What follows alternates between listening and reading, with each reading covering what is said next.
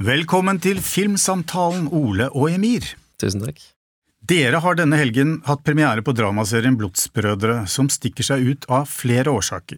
Ikke minst har serien en forfriskende cast med mange nye ansikter, deriblant deg, Emir, i hovedrollen. Vi skal ikke si så mye om hvordan selve handlingen forløper i serien, men det handler, som tittelen antyder, om to brødre som havner på hver sin side av loven. Du spiller politietterforskeren Moas, Emir, som har en bror som viser seg å være leder for en av de kriminelle gjengene i Oslo. Kan du si litt om forholdet mellom disse brødrene, Emir, for det er jo på en måte selve kjernen i dramaet? Uh, disse to karakterene har jo hatt en, uh, et, et, tidligere liv sammen. De har bodd uh, i samme strøk og blitt bestekompiser. De er ikke blodlige brødre, men de har blitt såpass gode kompiser at de så å si er brødre, da. Eh, så de har eh, delt mange hendelser sammen og gått gjennom mye sammen. Men så eh, deles deres vei etter hvert, da, hvor Moas flytter til en annen side av byen, og Rami, som gjenglederen i serien heter, blir igjen der han er. Og så får de et helt annet liv her, hvor Moaz får en drømmejobb, blir politimann, får et helt annet liv, og Rami blir igjen og sakte, men sikkert bare fortsetter inn i, inn i dette gjengmiljøet, da. Um, det er en slags lojalitetsspill mellom disse to. Uh, når Moas blir politimann og blir satt i en innsatsgruppe for å ta dette gjengmiljøet, nåværende gjengmiljøet som heter Enemies, med han Rami i lederposisjon, så er det ingen som vet at Moas har, har en tilknytning til denne gjengen fra før av. Uh, ingen vet at hans eks-bestekompis er gjengleder i dette miljøet fra før av. Og ingen vet også hvorfor eh, deres veier har blitt sånn som det har blitt. Men jeg tror vi har, har allerede sett det i episode én og to, men jeg vet ikke om jeg skal spoile. Nei da, vi, ja. vi behøver ikke å spoile for mye ja. her. Og, mm. og uh, altså, Ole Endresen, du er serieskaper og regissør på serien. og jeg nevnte dette med casten her. Eh, det jeg syns var så forfriskende, var jo at det er jo, det er jo så mange skuespillere man ikke har sett før. Og, og, du, Emir, har jo faktisk ikke spilt før uh, i det hele tatt. Uh, og, og, og, gjør en, en, en, veldig god innsats. Så mitt spørsmål til deg, Ole, er altså, altså Du har uttalt at du i jakten på troverdighet har valgt å satse på upolert råstoff, tror jeg jeg har lest at du sa. Altså, du vil lene deg mer på levd liv enn på enn på teaterskole denne gangen. Eh, det er et sitat jeg hentet fra, fra TV 2 som viser serien. Altså, kan du si noe om kongstanken din bak denne serien, som helt tydelig er å introdusere oss for friske ansikter? Eh, altså, det begynner jo med det du selv nevnte i spørsmålet, altså troverdighet. Det er jo en sånn blanding av at man blir jo litt lei av å se de samme ansiktene en eller annen som spilte bibliotekar i en serie. I sommersesongen skal nå spille politimann. Eh, her kommer det jo inn da en man ikke har, eh, eller flere man ikke har noe bias på, og som man ikke Som ikke bringer med seg et eller annet inn i rollen som man har allerede tanker om. da, Det, det syns jeg selv er veldig forfriskende å se. Det, det, man prøver hele tiden å lage det man, gå etter det man liker å se. Så det er liksom en blanding av det og øh, dette her med at levd liv gir, gir også en sånn autentisitet i form av dette med språk, væremåte, hvordan man bruker instinktene sine. Eh, som jo er helt annerledes å jobbe med. Eh, det er mye større risiko, men jeg vil jo si så man kan jo fort få litt sånne anmeldelser på at, eh, at de, de, sier lags og sånne ting som jeg nettopp leste i BT før jeg kom hit, men de gjør det jo faktisk. Så ja. uh, det, det, føler jeg at den troverdigheten der oppdager jo de som uh, kjenner til disse miljøene. Men det er den derre uforutsigbarheten ved å ha en sånn kast gir jo også en veldig sånn i, altså komme på opptak, komme på settet, så er jeg jo mer urolig inni meg enn det jeg er i en vanlig opptakssituasjon med skuespillere, for jeg vet at det er uforutsigbart, men det er jo også noe stimulerende, litt sånn strikkeoppaktig, at det gir en energi også, fordi man De instinktene de styrer etter i en scene, er annerledes enn en skuespillerskolert tanke. Eh, så, så, jeg syns det er veldig interessant eh, jeg, følte at dette prosjektet så må jeg bare i dette prosjektet må jeg bare gå for det. Det, er, jeg, det skal ikke noe annet. Jeg vet det er en stor risiko. Jeg har vært borti det før, og det er jo flere andre serier som jeg på en måte ser opp til type Top Boy i England. Eh, flere av de har jeg jo jobbet med. Det er jo 100% Streetcast. Han som spiller hovedrollen der, spilte hovedrollen i i min Bulletproof som jeg lagde. Begge de to var streetcast. Kom fra hooden, har jobbet seg opp, han ene er rapper. Det er, det er liksom et eller annet med at det eh, det upolerte gir en tekstur da, til en sånn serie som krever veldig mye troverdighet. Synes jeg er mer enn en eller annen sånn et, et, et originalt en annen krimserie som beveger seg i andre miljøer. Ja, og Det jeg likte veldig godt ved å introdusere et uh, ferskt ansikt som Emir, var jo også at han sier jo ikke så mye i starten. Altså Han forblir gåtefull uh, ganske lenge, og det, det, var litt sånn ballsy, følte jeg. Altså, ja. uh, men, men, vi, men vi, blir, vi, blir, veldig interessert i det ansiktet. kan dere si litt om akkurat det? Altså, du nevnte for meg, Mir, at Eh, noen hadde sagt til deg at eh, du, du sier jo ikke så mye i starten. ja, stemmer. Jeg hadde en liten family watch party i går kveld, eh, hvor han ene fetteren min sa at, eh, at jeg ikke sa så mye i første episode. Og da hoppet kusina mi med en gang på at jeg ikke trengte å si så mye, for det var så mye mer man kunne lese på ansiktet da, til Moaz. Mm. Og det ga litt mening ut fra manus, og jeg tror det var det Ole også var litt ute etter i starten, som vi hadde en dialog på helt, helt i begynnelsen også. Jeg hadde en sånn eh, poster inne på kontoret mitt med han Riz Ahmed fra The Night Off, skuespilleren som er en en jeg liker veldig godt, og han Det verste er at du ligner litt på han også, har vi fått høre etterpå, men jeg letter jo etter et sånt ansikt som kan si mye, som man øh, orker å lene blikket på lenge uten å bli lei, og som man kan se bærer med seg en lidelse, og som kan spille det uten å overdrive, men uh, la seeren få sympati, da, egentlig litt sånn bla, bla, bla, det vanlige, men uh, det var jo også viktig at denne Eh, denne skuespilleren, jeg, eller non-professional må man jo si, men nå er du skuespiller, Emil. Jeg valgte til den rollen eh, kunne ha troverdighet på begge sider av dette med det livet, altså det livet han har nå, og det livet han hadde. Eh, at du skal tro på at han nå er, på en eller annen måte bor på vestkanten og omgir seg med det miljøet, men at han hadde det at han også har det fra gamle dager i seg, da, og der følte jeg at Emir eh, altså, det, Jeg vet ikke, det kan du sikkert si noe om du, Emir, i forhold til hvor du selv har bodd og alt mulig rart, men han, han har jo noe sånn kame, kameleon over seg, Emir, at han er veldig god på å tilpasse seg. Eh, så den troverdigheten var viktig, viktig, for meg, da. At, eh, så vi hadde jo en del sånn research med Eh, du får bare si fra, Kjetil, hvis jeg babler ut og de gjør digresjoner ut fra spørsmålet, men med mangfoldsavdelingene på politiet og sånt også, for mm. å ankre litt opp hvordan er det å være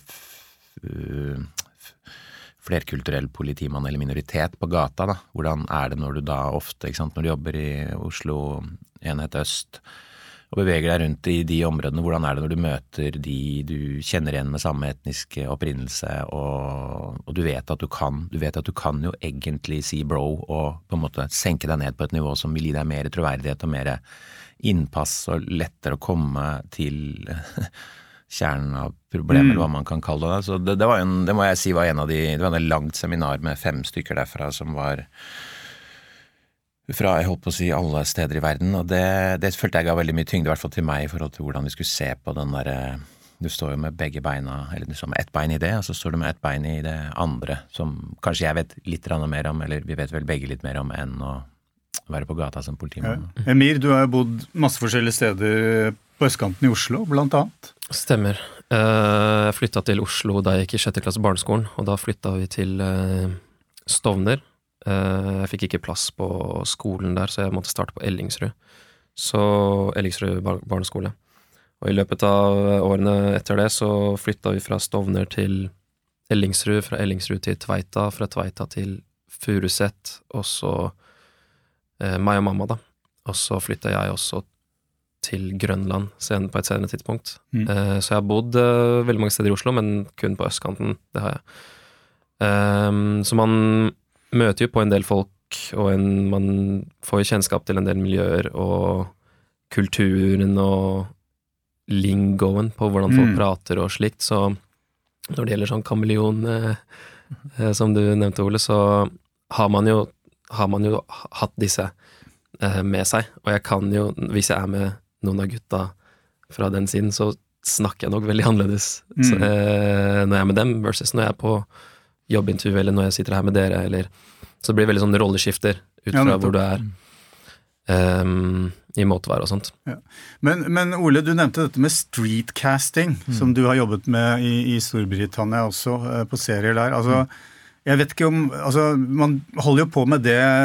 Casterne i Norge jo også, jobber jo også på den måten, men, men hvordan har det på en måte fortonet seg her? Altså du, snak, du, du, vil inn på metoden, egentlig? Hvordan, ja, ja, altså, ja. altså hvordan, hvordan, dere fant fram til eh, dette rollegalleriet som, som er så variert? Jeg, jeg, må jo begynne med å si at jeg kjørte den gjengen på sagakasting ganske hardt altså, på dette prosjektet, fordi det var viktig å treffe måte, alle bullet pointsene til alle rollene. Så det var jo et utrolig bredt søkt, og da tror jeg vel Altså det er da eh, Sabrina Khan Nordstrøm og Iselin Saga som står i spissen for Sagakasting, og de, de, de elsket dette prosjektet fordi det var litt sånn risikoprosjekt, og det er spennende å lete etter nye ansikter, men de gikk jo, ansikter, de gikk jo veldig utrolig bredt ut da, og langt utenfor arkivene sine, og inspirerte folk til å sende inn self-tape. Det er jo det man driver med nå om dagen, og da må man må innrømme at jeg har sett utrolig mye rart og utrolig mye sjarmerende. Dette er jo ikke folk som har vært inne og spilt eh, et par replikker og landet i arkivet. Dette er jo folk som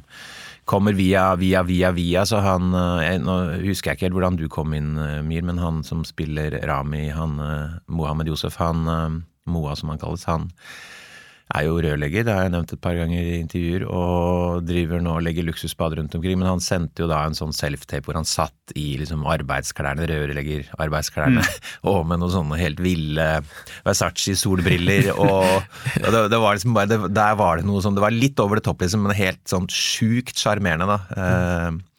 Så det var jo ett eksempel, eh, men, eh, men, det har vært en lang, lang, lang runde. Jeg tipper at de var ganske lei av meg på castingbyrå der etter hvert. Altså. Eh, så det, men jeg tror ikke det er noe sånn det handler vel bare om å ansette de rette casterne i forhold til mm. å ikke sant, deise innom uh, Fresh helsestudio på Carl Berner, se seg rundt, uh, ha, ha, på en måte tro uh, være, være, en person som kan gå bort sånn, da, uten å, at folk blir offended på en eller annen måte. Hva mener du at jeg ser ut som en bølle eller en gangster? Eller, sant? Så det handler veldig mye om hvordan. Så jeg må skryte masse av, de, av den gjengen nedpå der.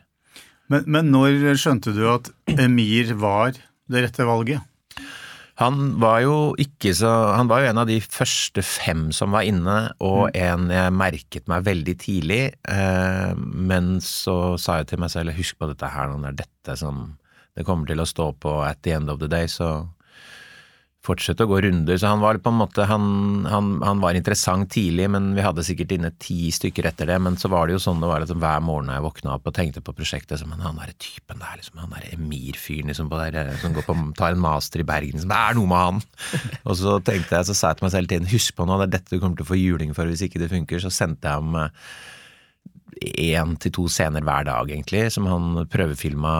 Jeg, sa jo til han du må kjempe for denne rollen, liksom, og han bretta opp begge ermene, og sendte meg da self-taper fra alle mulige steder, på liksom alt fra på toalettet oppe på campen på universitetet til hjemme i gangen, når du hører øh, de andre i bofellesskapet i bakgrunnen. Som, så han, han jobba hardt. Altså, jeg, jeg, jeg, jeg, tror ikke jeg overdriver når jeg sier at du fikk 20 forskjellige scener. Jeg vil jo liksom inni alle hjørnene av, mm. uh, av Moas-karakteren for å bare vite at det ikke liksom kommer til å stå på noe. Da. Så, men uh, TV 2, eh, oppdragsgiveren vår, var jo veldig sånn egentlig Med en gang sendte jeg egentlig første gang du var inne, sendte de dem Hva syns dere om han her? Oh, han går vi for, liksom. Så det var jeg som holdt igjen der, da. De var, de var sikre med en gang, de, altså. Så det var ingen som var så Altså, jeg, jeg tenker Jeg har jo et litt sånt noen ganger stereotypt bilde av eh, produsenter og kanaler, så jeg, tenkte, mm. jeg, jeg ville tenkt at de tenker ja, men denne, denne skuespilleren har vi aldri sett før. Ja. Eh, er dette kommersielt nok, ja. osv. Ja, der må jeg gi masse kred til uh, vår commissioner TV 2 og Lizzie Sommer og Mimmi Sjeika, som har vært uh, veldig dristige der, syns jeg. Men vi var alle enige om at dette skal streetcastes, da. Uh, det lå på en måte litt i kortene i pitchen også, at her skal mm. man ikke Så de, de, tok en sjanse på, på, hele prosjektet mitt der, for å si det mildt. Men mm. det, det, er helt riktig som du sier, at det, men jeg følte at jeg hadde med meg en selvtillit på dette her etter disse tingene jeg har gjort i England og sånn, at det var mulig å gå inn og påstå at man skal gjøre det. Da. Så det, at the end of the day så er det jo jeg som på en måte må slite meg gjennom alle de 70 arbeid, opptaksdagene med alle mulige Altså Det skjer jo så mye på et sånt sett hvor du har eh, de som aldri har vært der med 40 stab rundt seg med digre lyskastere og uh, Men litt sånn, litt sånn strikke opp igjen. Mm. Emir, altså når du, når du, opp, når det gikk opp for deg for alvor at denne rollen kan du få, og når du da, når du da får den, altså hva, hva, tenkte du da? Altså, hva, hva, i verden har jeg bitt meg ut på nå? Eh, eller hva, hva, så du i rollen? Du, du, gjen, gjen, vi var jo akkurat inne på det, altså det at du, kunne gjenkjenne noen ting. Eh, men samtidig så var jo dette et, et helt fremmed vesen som du skal på en måte fortolke.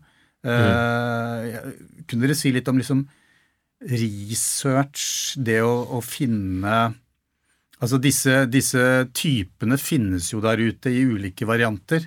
Mm. Eh, nå er det jo forhøyet i en serie, det, altså mm. fordi dette er jo et, et dramatisk univers. Men, men kan, si litt om det. altså. Ja.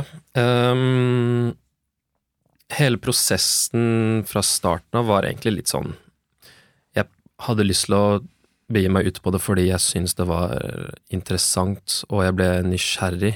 Og jeg syns det var et, en, en, utfordring som var veldig annerledes enn alt annet jeg har vært tidligere med. Jeg gjør jo noe helt annet, jeg studerer informatikk. Yeah. og AI og maskinlæring og skal levere master om ti dager. Og. Så da jeg fikk den mailen og ble med i denne prosessen, så, var, så hadde jeg en liten sånn sannhet for meg selv om at jeg kommer ikke til å få den, jeg har ikke noen forventning om å få den her, men jeg bare prøver det fordi det er gøy å prøve noe og mm. eksperimentere, liksom. Og så fikk jeg rollen i januar. 4. januar. Eh, og da fikk jeg tre dager på meg på å komme meg til Bergen, hente noen klær, komme meg hjem til Oslo igjen, og så skal vi starte å jobbe 9. januar. Det var 2022. Og det ble veldig seriøst plutselig, da. Eh, det var som å bli kasta ut i et dypt hav uten å kunne svømme i det hele tatt, så må du bare krige deg for å lære deg så fort som mulig og bare puste etter oksygen, liksom. Eller komme deg opp på overflaten. Uh, heldigvis så fikk jeg litt coaching av um, Line Verndal, skuespiller. Mm. Uh, og hun hjalp meg veldig med å senke skuldrene mine i starten. Og vi gikk gjennom manus sammen. Um, hun gikk gjennom litt sånn tips og triks, og vi gikk gjennom litt kameratrening og sånn, bare for å få meg til å senke skuldrene. Og da den kursingen var ferdig, så måtte jeg sette meg inn og lage denne karakteren og bare forberede meg selv på uh, å være på sett, så jeg har aldri gjort det her før. Um, da gikk jeg egentlig akademisk inn i det. Jeg leste manuset sikkert 100 ganger, og så gikk jeg over til å lese manuset kun fra Moa sitt perspektiv. Og så gikk jeg inn, og så måtte jeg liksom Ok, nå må jeg lage denne karakteren. Hvordan er det hans Hvordan går han? Hvordan Jeg er jo veldig annerledes enn han med tanke på sånn kroppsspråk. Jeg er veldig bevegelig, øynene mine går litt sånn overalt og alt mulig sånn. Jeg så for meg at Moa er ikke helt sånn. Han er mye mer planta, mye mer rolig flinkere med øyekontakt, eh, beveger seg ikke så mye når han står og snakker, ikke svaier ikke til siden. Sånne ting måtte liksom gå gjennom og lage mening ut av, da. Um, og så måtte jeg prøve å sette meg inn i karakteren, bare prøve å sympatisere for det han går gjennom, og lage en backstory for meg selv. Jeg skrev veldig mye på forhånd. Uh, bare skrev og skrev og skrev, og skrev bare for å få kontroll, mer og mer kontroll. Og så fikk jeg veldig kalde føtter etter hvert også. jeg fikk så kalde føtter. Eh, men i og med at jeg fikk et ansvar for en sånn, for en sånn rolle, så hadde jeg ikke lyst til å skuffe Ole heller, så jeg, jeg måtte bare ha fullstendig kontroll. Og etter hvert som jeg følte at jeg hadde litt uh, oversikt over karakteren, så vil jeg bare forsikre meg om at jeg kommer til å klare det, da. Uh, og gjøre noen av de tung, tyngre scenene, så da isolerte jeg meg selv litt i starten, husker jeg. Um, som, jeg bare fyller inn litt ja. vi, det, med dette her som eh, både jeg og Emir ikke er så jævla gode på, da, det å sove. Vi er ikke sånn type som sover noe særlig mye. Uh, og det Jeg vet ikke om vi skal si at vi bånda på det, men jeg får jo jeg tenker, altså Det er jo det klassiske når en regissør sier til en skuespiller at hvis, sant, hvis du har noen sånne ting du strever med, bruk det på en eller annen måte. Det ja. følte jeg i hvert fall i episode som tre og utover denne serien, så kan du få bruk for det. Så okay, hvis du kommer med bare to-tre timer under beltet på settet, så er det ok, da er, du, da, er du, da er du der, da. Da må du på en måte hele tiden kamuflere at du ikke har overskudd, og det passer karakteren og jeg tror det hjalp litt. Jeg gikk jo med hjertet opp i halsen og nervøsitet opp i 100 og var stressa og gruet meg og gledet meg hele tida. Og mm. kombinasjonen av det med lite søvn tror jeg påvirket litt sånn hvordan jeg ja. Mooden min på sett også. Jeg tror jeg hjalp eh, ubevisst litt inn i rollen, kanskje. Ja. Sikkert mista ti år av levealderen min pga. alt det stresset der, men uh, okay, Da skal jeg ikke spørre om, om dette ga mersmak. Men, uh, men, uh, men, det er jo på en måte en av årets store debuter, skuespillerdebuter i norsk serieformat.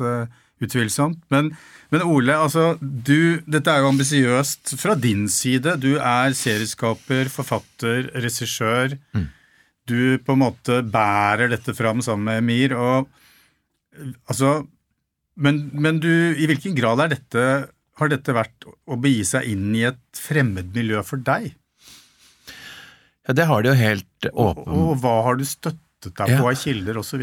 Nei, det har, jo, altså, sånn, det har, jo, helt åpenbart vært eh, det siden jeg nå er en 50 pluss år gammel mann som uh, lever et sånn forholdsvis streit liv, på en måte. Jeg, jeg er jo vokst opp på Kolbotn, litt sånn utafor byen, i, og har vel liksom jeg må vel kunne innrømme at jeg har eh, møtt, vært borti det man må kunne kalle kriminelle miljøer på veien i oppveksten uten å ha vært sånn dypt involvert i det. Mm. Uh, uten at det, det, det, er ikke akkurat bakgrunnen min for å fortelle disse historiene her. Men jeg har jo da altså Inspirasjonen til serien begynte med en eller annen artikkel jeg leste om uh, rekruttering inn til gjengmiljøene følte at det var et interessant bakteppe for å skrive en serie. Jeg har lenge hatt ambisjoner om å skrive en serie fra litt sånn utkanten av Oslo, og liker jo godt de seriene. Mm. Eh, så begynte å bruke det som liksom det, var, det, var, ideen, tok det som bakteppe. Og så uh, har jeg jo snakket med mye folk som uh, kjenner til miljøene. Uh, hatt mye intervjuer, snakket mye med politiet lest eh, haugevis av avisartikler, eh, dokumenter, eh, alle bøkene som fins om det. Eh, vært til stede i noen rettssaker. Eh, forsøkt å støtte meg så godt jeg kan, men jeg må jo si at eh, til syvende og sist er dette en 100 fiksjon, altså. Historien. Mm. Det, det, var du jo selv inne på i sted, at man spisser jo for dramatikken og sånn, så dette med altså, sånn, bare, bare, eksempler på hvordan dette er spisset, er jo altså, tematikken rekruttering de er nok ikke så unge, heldigvis, som Tariq, som spiller en 13-åring i denne serien, og de får dem kanskje ikke til å gjøre så drøye ting som det han gjør i episoden vi starter med, men jeg følte at det kunne være fint å på en eller annen måte gjøre et poeng ved å spisse det litt, altså man tar seg friheter i, når man lager, lager serier. Og, og ut ifra det tenker litt sånn at Rami, han gjenglederen som rekrutterer han, han har selv blitt rekruttert, det var sånn han kom inn i miljøet. Derfor så stoler han nesten mer på denne lille gutten på 13 som er blitt rekruttert, fordi han selv har hatt det som utgangspunkt. Da. Så har jeg jo også da hatt uh, altså det, er, det, er, veldig mye interessante uh, avisartikler som forteller om dette her med Jeg vet ikke om det er kanskje et annet spørsmål du har senere, men dette med liksom svak politikk på området over flere år. Da. At mm. det har vært eh, dette her med ressurser til steder som trenger det, har hele tiden kommet alt, alt, altfor seint, da. Uh, og der har jeg jo hatt med meg eh, produsenten min, Sajid Malik, som jobber forebyggende på Mortensrud, da, til å feede meg med alt jeg har måttet trengt av sånn type research, og han har jo vasket gjennom alle manusene og sett på uh, ting og, og, vært med å justere ting som han føler er riktig, ikke sant. Han, har, han står jo litt sånn midt i det. Uh, så jeg føler at uh, men, men, til syvende og sist så er vi veldig opptatt av å ikke rette oss mot noen bestemte altså mot noen bestemte gjenger eller miljøer eller personer, så derfor så har vi jo kalt det Lakkeberg og gjort det litt generelt, så det er jo Ja, mm. det er en fiksjon. Og det vil sikkert komme innspill om at eh, nei, det er ikke sånn gjengen i Oslo fungerer osv., ja. men det er blant mange av de eh, tilbakemeldingene man får når man lager en serie ja, ja. Og, og, fiksjonaliserer, ikke sant. Uh, men, men, det filmen også gjør, er, serien unnskyld, også gjør, mm. er jo å, å problematisere, eller, eller, eller hva skal vi si, den viser det spillet som pågår mellom media, politikere og politiet og gjengene. Mm.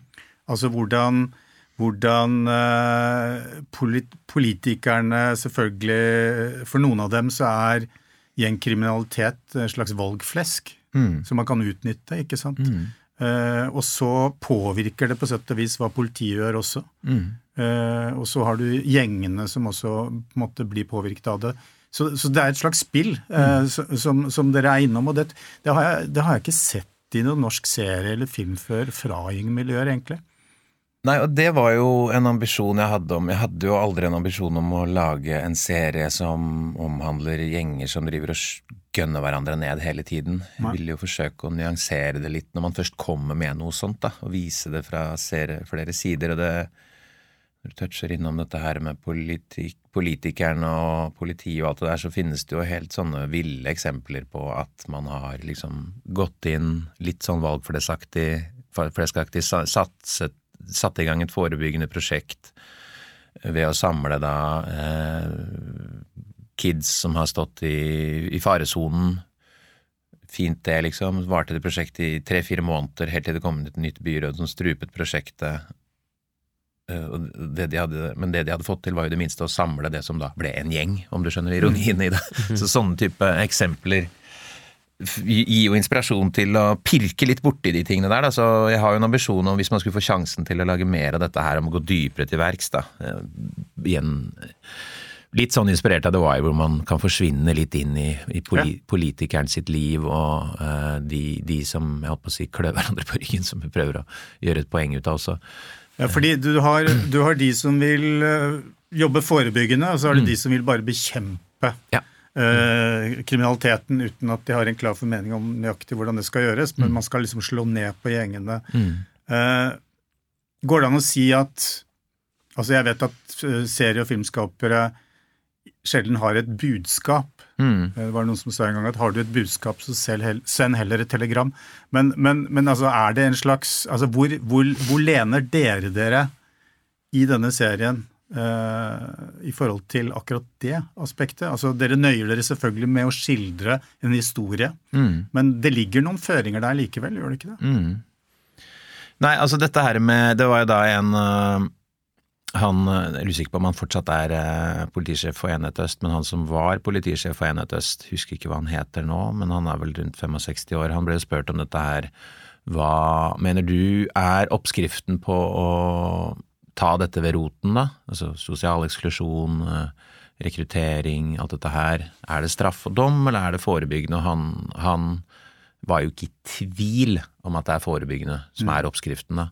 Eh, og eksemplifiserte med Danmark, hvor de har gjort eh, forebyggende prosjekter som man har hatt veldig suksess med. Altså at man disse, er, disse, generasjonene forandrer seg jo hele tiden også, sånn at det der og, og liksom ungdomsklubber og sånn, som, og fotballbaner og sant, kunst, gress og lys og alle de klassiske eh, nå, nå, spiller de jo Fortnite, på en måte, så da må du fasilitere for det. Da, da må du sørge for at de, de, de liksom, gutta og jentene som har mye energi, at de kan blir fanget opp med noe de er interessert i. Da, at ikke det var, så, så, det der går jo så utrolig fort. Nå er det, sånn til og med, det, er det er jo TikTok og Fortnite på den gjengen der også, mm. så må du måtte demme opp på den måten da, og ikke Så, så der har man jo en jobb uh,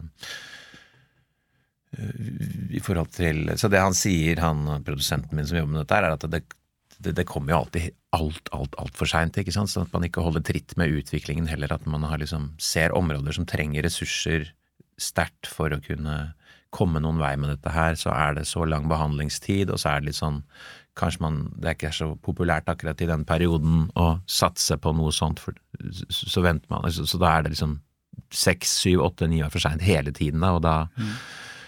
blir det ond sirkel, ja. Så ja. Emil, hva er ditt inntrykk?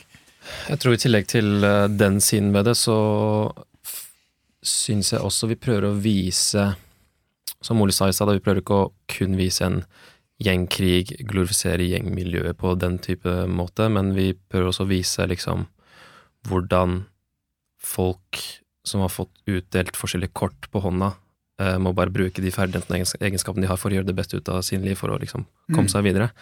Og uansett om du er på politisiden eller på gjengesiden, så er du i bunn og grunn et menneske som kanskje har dine egne drømmer, har lyst til å ha et vanlig familieliv, har lyst til å ha et hus med hage og ikke må se over skulderen, mm. kanskje annenhver dag, som du har mm. nevnt tidligere, Ole. Mm. Så gjenglederen i denne serien her er ikke kun en person som bare skal ses ned på fordi han er en gjengmedlem. Han har jo disse drømmene, han også. Han vil kanskje komme seg ut. Han vil kanskje få et familieliv, få et rolig liv. Um, vi prøver å vise de sidene også med serien, og jeg tror også at vi vil få foreldre til å tenke seg litt ekstra uh, når det gjelder barna deres, for eksempel. Kanskje ha et litt ekstra øye på barna, sånn at de ikke sniker seg inn i disse miljøene.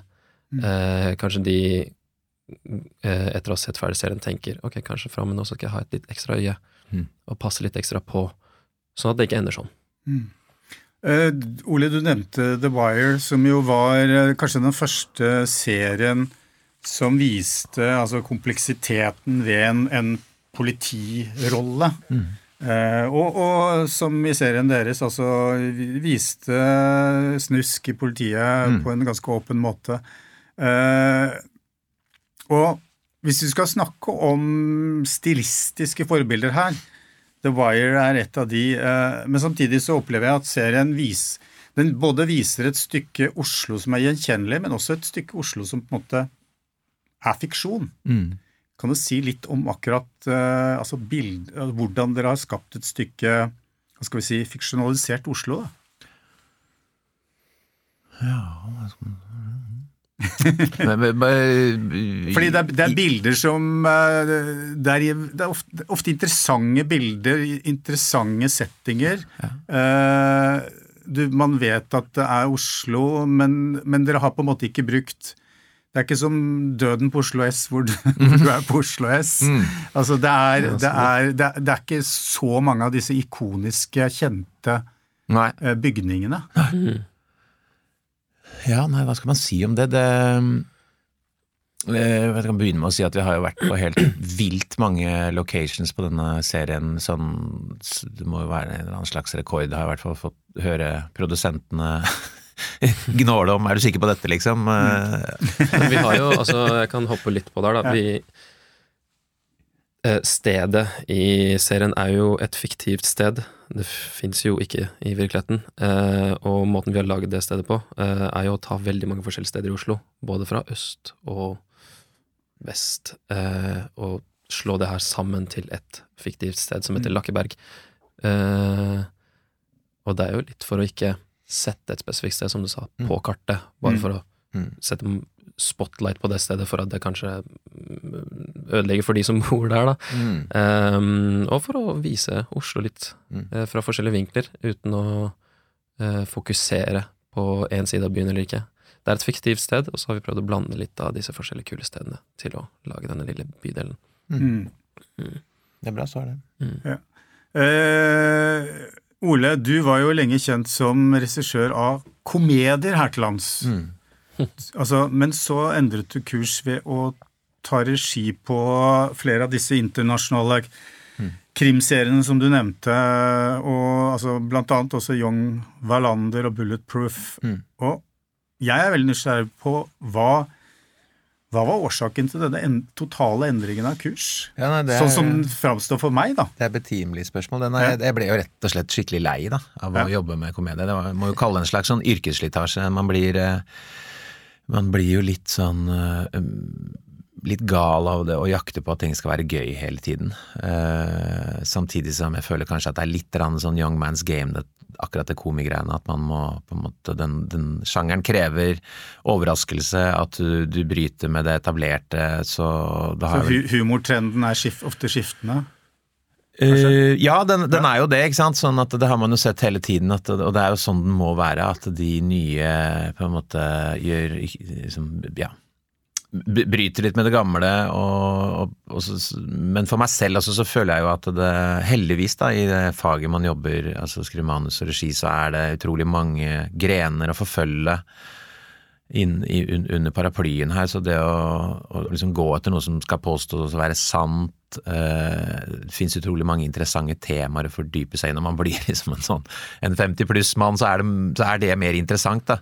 Og så får man heller eh, tenke at man kan ta med seg noe av det inn i det man lager. Jeg liker jo ofte at eh, Jeg liker jo serier som Bosch og lignende, hvor, hvor, man liksom har Karakterene har humor seg imellom, at det på en måte belyser hvordan livet er også. At det ikke bare er stramt krimplott, men at man snakker sammen. og Det forsøker å liksom bringe med noe av, det, noe av det inn der, da. Men det var utrolig deilig å bare slippe den humorballen og, og tenke at her er, det, her er det nok folk som er bedre enn meg, og som kan bringe dette videre og så har jeg jo liksom ikke sett meg tilbake etter det, og er jo egentlig ganske Selv om jeg elsker komedie selv og syns det var utrolig gøy, men det var en lang periode, må jeg si, da, som jeg holdt på med det, og, og egentlig helt, helt, fint at det at jeg har tatt en, at jeg har klart å liksom styre den retningen her, da. Mm.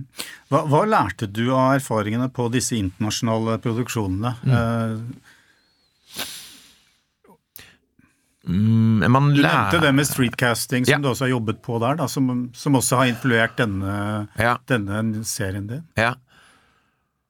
Um, nei, altså akkurat, du, akkurat, når det gjelder streetcasting, så må jeg jo si at uh, Den derre selvtilliten som kommer med det å caste sånn, og det å at, at, det er en litt mer selvfølgelighet, den, den, den, føler jeg plukket litt med meg og fikk liksom selvtillit inn i dette prosjektet. da, At, dette, at jeg liksom på en eller annen måte klarte å stå for det overfor TV 2 og si at vi skal gjøre det sånn 80-20 eller hva det er blitt her, liksom. Fordi det hadde jeg da vært med på noen ganger og opplevd at det, det gjør man, liksom. Mm.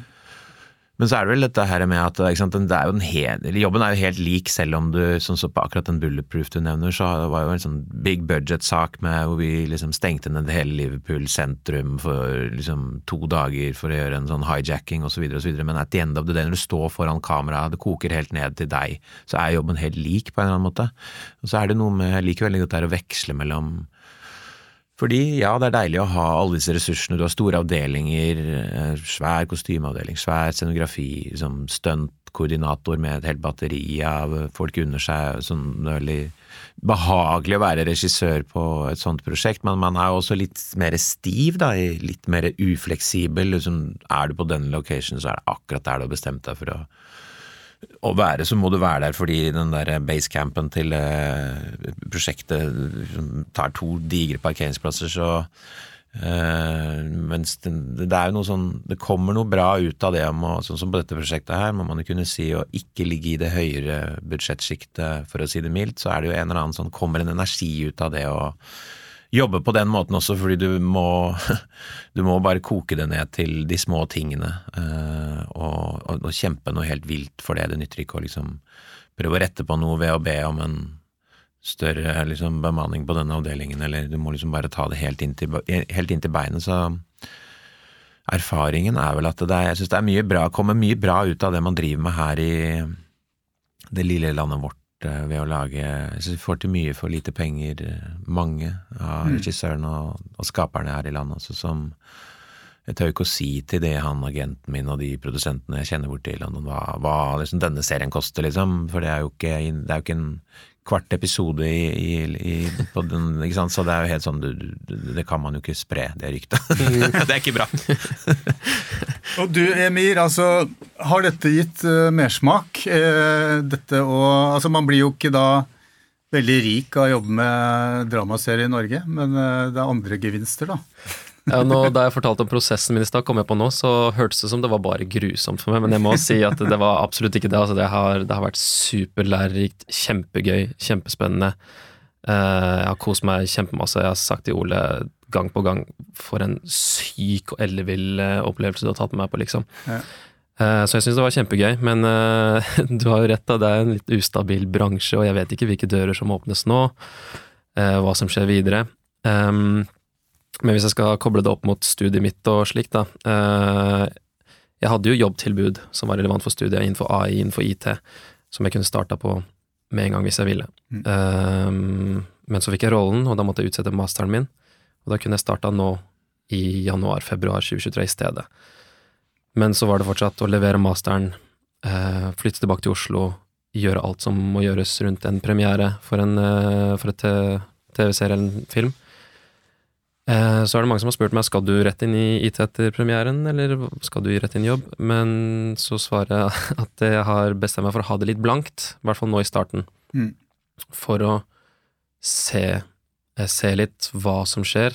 Um, for jeg syns det var kjempegøy, og jeg har fått mersmak sånn sett. Um, og jeg har så vidt toucha dette skuespiller... Denne skuespillerstien her, og jeg kan jo fortsatt ingenting, vil jeg si. Og for å bli eh, Jeg må jo prøve mer for å bli For å lære mye mer, og for å bli flinkere. Og eneste måten jeg kan gjøre det på, er å eksponere meg selv mer for det. Så hvis det er muligheter, og hvis det åpner noen dører, så er jeg absolutt interessert, og absolutt eh, eh, med, tror jeg. Eh, ja, og om den norske dramaboomen fortsetter, det er jo fortsatt usikkert. Mm. I, I, hvert fall i, i, samme grad som nå. Men tusen takk for at dere ble med i Filmsamtalen, Emir og Ole. Tusen, tusen takk, takk for at vi kan komme.